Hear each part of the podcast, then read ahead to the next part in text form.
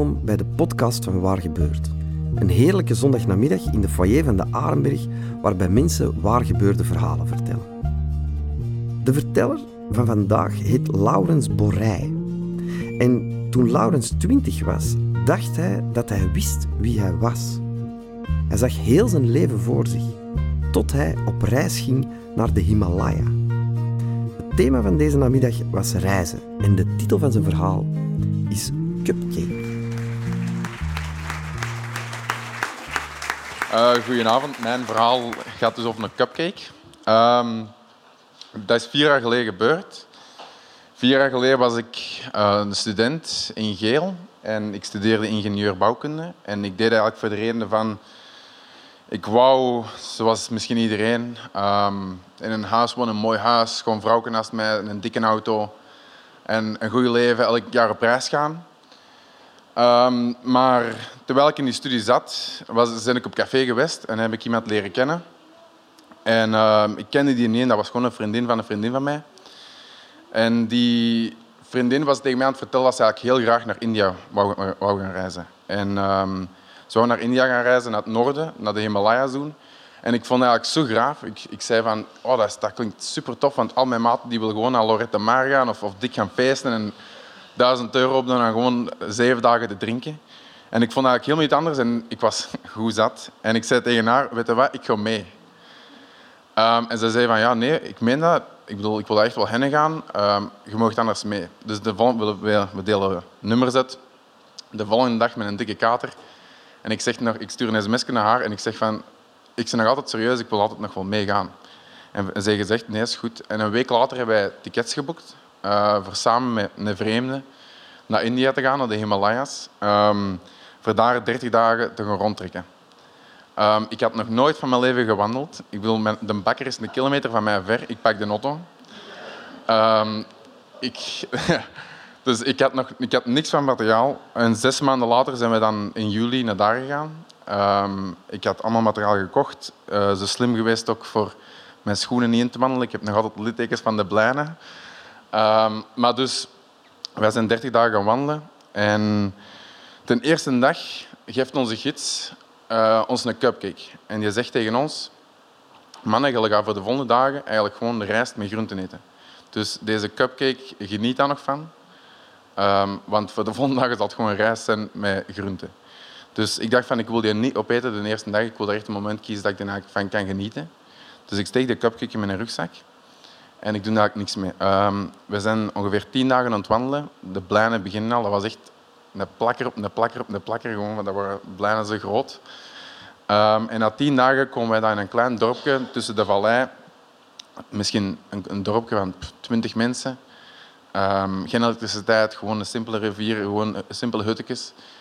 En ik doe mijn rugzak open en ik zie die cupcake daarin. En ik dacht van, godverdomme, de cupcake zo hard als iets ik bedoel, ik kan je niet meer opeten. Um, en daar is een klein kindje, misschien vijf jaar, uh, met een zelfgebreide muts, is dat aan het rondlopen, aan het spelen. En ik dacht van, anders geef ik de cupcake aan de kleine.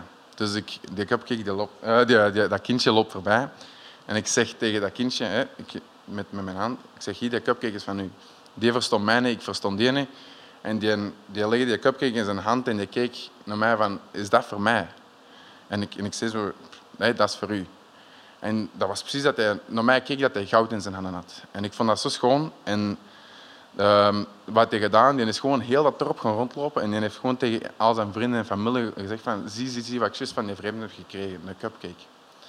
En waar mij verbaasde, die deed er eigenlijk niks mee. Die heeft dat gewoon op een plankje gelegd in zijn huis en heeft dat twee uur niet aangeraakt. En na twee uur pakt hij de cupcake vast en die, uh, ga gewoon heel het dorp rond en die begint stukje per stukje de cupcake te delen met heel dat dorp. En ik heb dat toen niet, op dat moment niet bij stilgestaan. Um, maar die, die, deel, die, was, die was vijf jaar, die deelde gewoon omdat hij het wou. En als je hier aan een kleine van vijf jaar een cupcake geeft, dat is één seconde en dat is op. Um, dus ja, elke dag wandelen we ongeveer 30 kilometer, acht uur aan een stuk. Dus je hebt veel tijd. Hè, na, twee dagen nu de gsm plat is, je hebt geen Spotify meer voor muziek te luisteren. Um, dus, Dus, dus je begint daar eigenlijk veel over na te denken. En ik vond dat eigenlijk ook heel mooi. En dan elke keer als wij, dus meestal wandelen wij gewoon in de vallei. Maar soms, ik denk in die 30 dagen, hebben wij vijf keer een pas gedaan over de berg. En dat was super zwaar. Ook nog nooit gewandeld, dus voor mij was dat super zwaar. Waarschijnlijk was dat gewoon niks, maar voor mij was dat super zwaar. En dan elke keer als we een grote pas deden en we waren op de top, dan gaven we de gids uh, een snicker aan ons. Dus nog eens, de hele dag havermout en rijst en groenten. Dus de snicker is ook precies als goud. Dat is van zalig. En de, de gids zei ook tegen ons van, kijk, dat is een Snickers. Geniet, of kies je moment ook uit. Als je dat nu wilt opeten, eet dat dan nu op. Maar um, als je dat morgen wilt opeten, eet dat morgen op. Maar dus gaf een aan mij, een aan zichzelf en aan uh, die vriendin van mij. En het eerste wat hij deed, was zijn Snickers open doen. En die deelde dat in drie. En die gaf een stukje aan mij, en een stukje aan die vriendin van mij, en een stukje aan zichzelf. En ik dacht van, dat is nu al een tweede die eigenlijk ook gewoon deelt. Dat, of ja, zo gewoon, dat zijn stomme dingen, maar die gewoon een Snickers ook deelt. Dus de volgende dag wij waren aan het rusten, we waren aan het eten en ik dacht van, dat was een, een, schoon, een schoon plek. En ik deed mijn sneakers open en ik dacht van, die delen, dus ik wil dat ook doen. Ik wil ook gewoon, dat is iets stom, maar ik wil ook mijn sneakers ook zo delen zoals die deed. Dus ik deed mijn sneakers open en ik deelde, dus ik doe mijn sneakers open en ik doe die in drie stukjes. Dus ik geef er een aan mezelf, aan die vriendin van mij en aan de gids. En terwijl die, die stukjes aan het opweten waren, vond ik dat eigenlijk super erg, want ik wou wel die stukjes. Ik, ik, ik kon dat zelf niet delen. Ik, ik, ik heb dat gewoon gedaan omdat ik dat, dat eigenlijk moest. Of niet moest, omdat dat, ja, dat werd zo gedaan daar. Maar die waren aan het opeten en ik wou, ja, ik wou eigenlijk die stukjes hebben, dat die aan het opeten waren. En dus verder. En ik vond dat zo erg dat ik gewoon nog eens in een simpele Snickers kon delen. Ik bedoel, wij komen hier van Europa, die mannen hebben niks en ik kan nog eens in een Snickers delen. Dus um, ik ben dan teruggekomen naar België.